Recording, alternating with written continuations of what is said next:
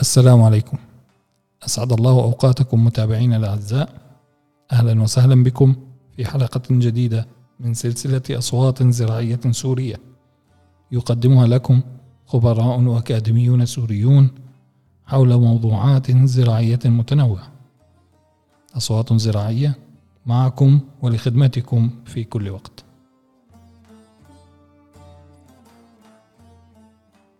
معكم اليوم محدثكم المهندس الزراعي زهير مجيد آغا. حلقة اليوم برعاية فريق الخبرات الأكاديمية السورية وجامعة ساسكس حول موضوع الثروة الحيوانية وتحديدا حيوان الجاموس المهدد بالانقراض يحدثنا ضيفنا اليوم الدكتور شاهر عبد اللطيف دكتوراه في الهندسة الزراعية في مجال التقانة الحيوية والزراعة المائية. خبير في الأمن الغذائي والتنمية المستدامة ومدير منظمة الخبرات الأكاديمية السورية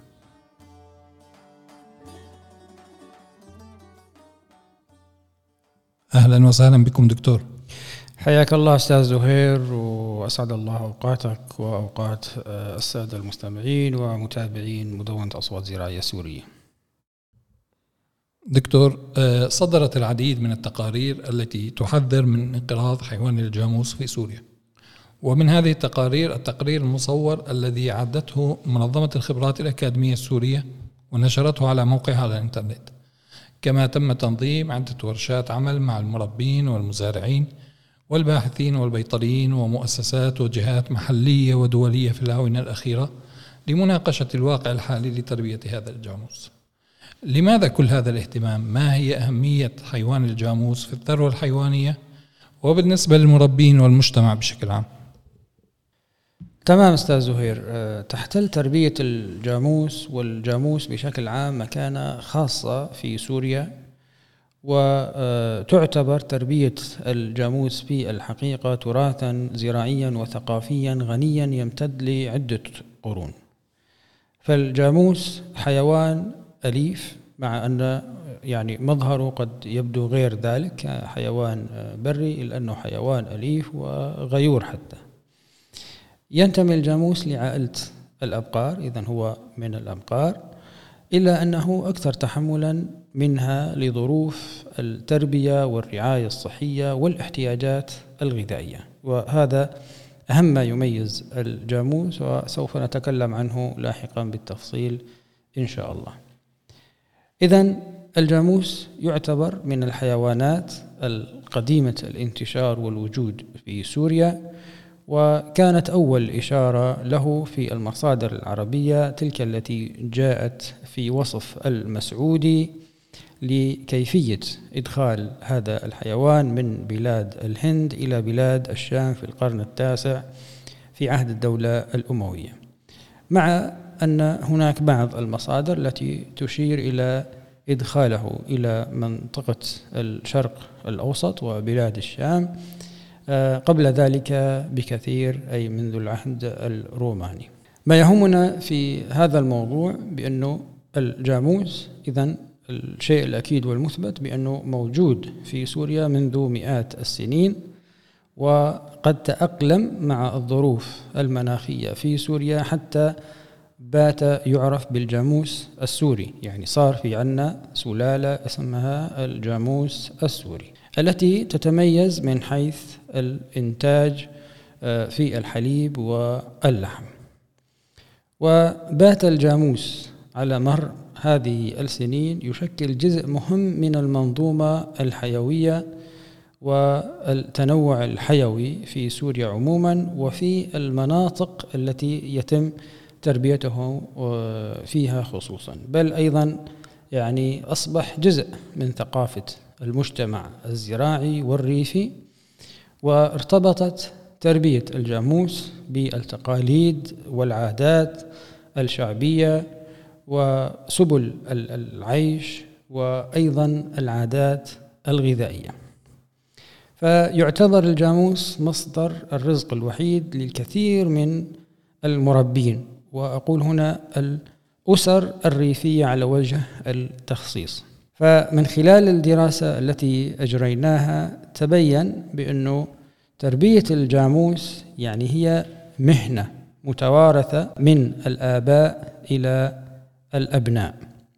وغالبا ما نرى بأن الأسرة بكاملها تعمل في تربية الجاموس فقط أو بالإضافة للأعمال الزراعية ولا تجيد أي عمل آخر لتأمين المعيشة. فإذا هو يشكل مصدر رئيسي لتأمين تكاليف المعيشة لهذه الأسر. أيضا في بحث الذي أجريناه مؤخرا تبين بأنه تربية الجاموس جانب مهم في التنوع الحيوي. لذلك الاهتمام في الجاموس يأتي من هذه القضية. أولا بأنه يشكل موروث ثقافي في المجتمع هو مصدر مهم للأسر والعائلات التي تعمل في تربية الجاموس وأيضا ندرته وتراجع الأعداد نتيجة الصراع الدائر في سوريا منذ عام 2011 فهذا الصراع وهذه الحرب الظالمة المشتعلة في سوريا والتي لم يسلم منها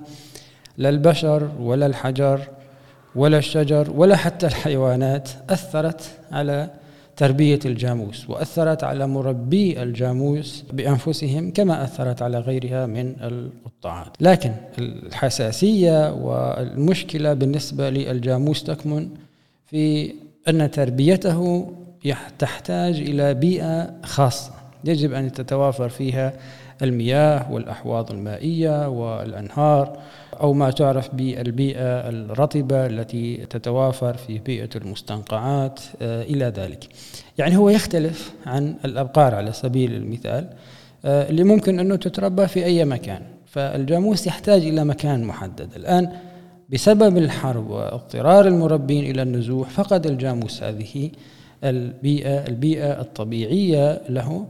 فمما أدى إلى تناقص أعداده بشكل آه، كبير جدا من عدة آلاف إلى أقل من 100 رأس. جاموس موجود حاليا في شمال غرب سوريا على سبيل المثال مع أنه يعني حتى أعداد الجاموس تراجعت بشكل كبير في باقي المناطق مما دعا إلى تصنيفه من قبل الأمم المتحدة منظمة الأغذية والزراعة الفاو على أنه من الحيوانات المهددة بالانقراض. في سوريا. دكتور ذكرتم في الحديث عن أهمية الجاموس أنه يتميز ببعض المميزات عن الأبقار تجعله أسهل للتربية وأقل تكلفة.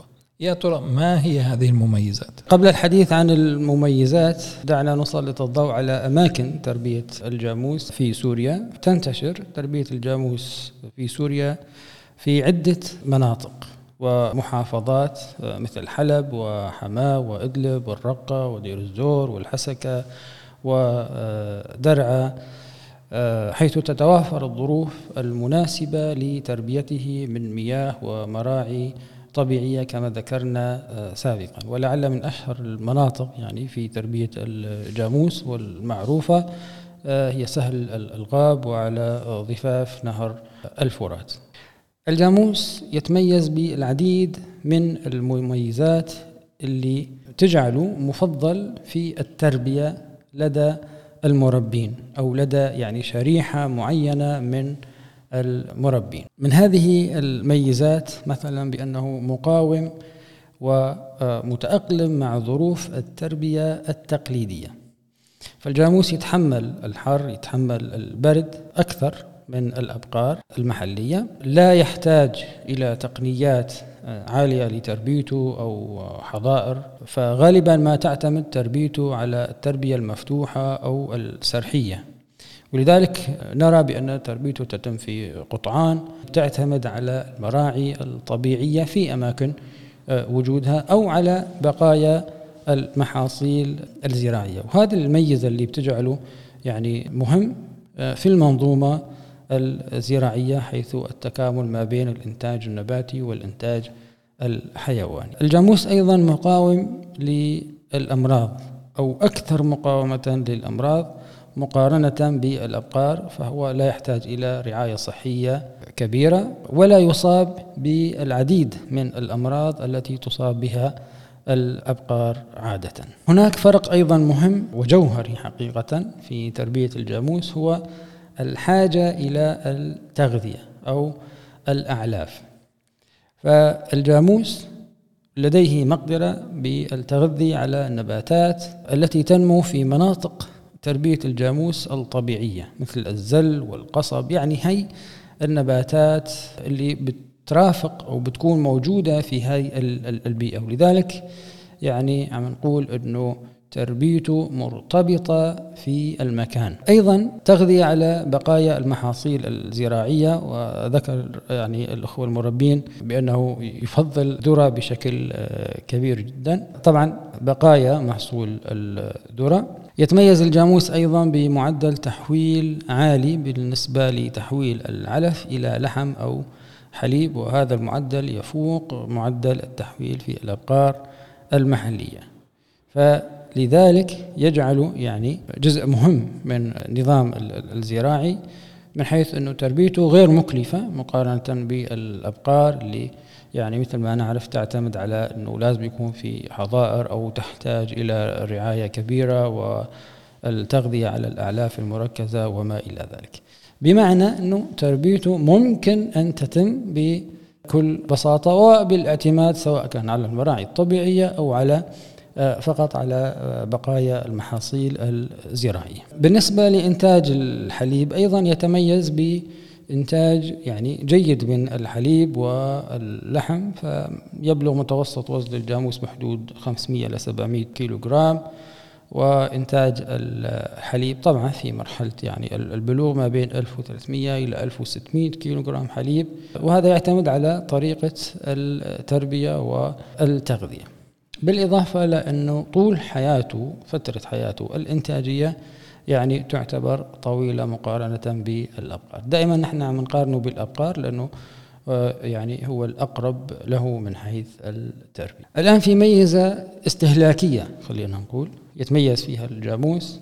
فلحم الجاموس معروف بانخفاض نسبة الدهون فيه أو الكوليسترول على وجه الخصوص وبالتالي فلحم الجاموس مغذي أو آه، صحي أكثر مقارنة بأبقار. وحقيقة هذه المعلومات يعني يمكن نتطرق لها لاحقا. يعني يجهلها والكثير من آه، أفراد المجتمع وللأسف لم يتم الاهتمام بها أو التسليط آه، الضوء عليها.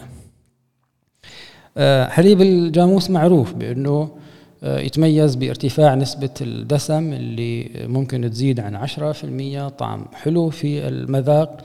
وهناك ميزة مهمة جدا لعلها يعني تهم الأخوة منتجي أو مصنعي منتجات الألبان بأنه لون الحليب الناصع الأبيض الناصع وبالتالي يجعله مرغوب في الكثير من الصناعات الغذائية.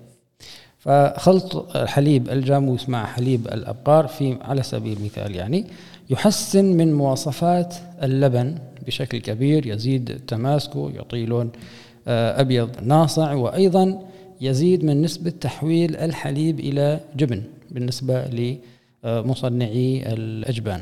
ولعل المثال الأبرز والمعروف هو جبنة الموتزاريلا اللي أصبحت ماركة مشهورة. الأصل في جبنة الموتزاريلا أنها مصنعة من حليب الجاموس. طبعا آه، يعني حاليا في موتزاريلا لكن آه، غير مصنعة من حليب آه، الجاموس. صار في منها أنواع كثيرة.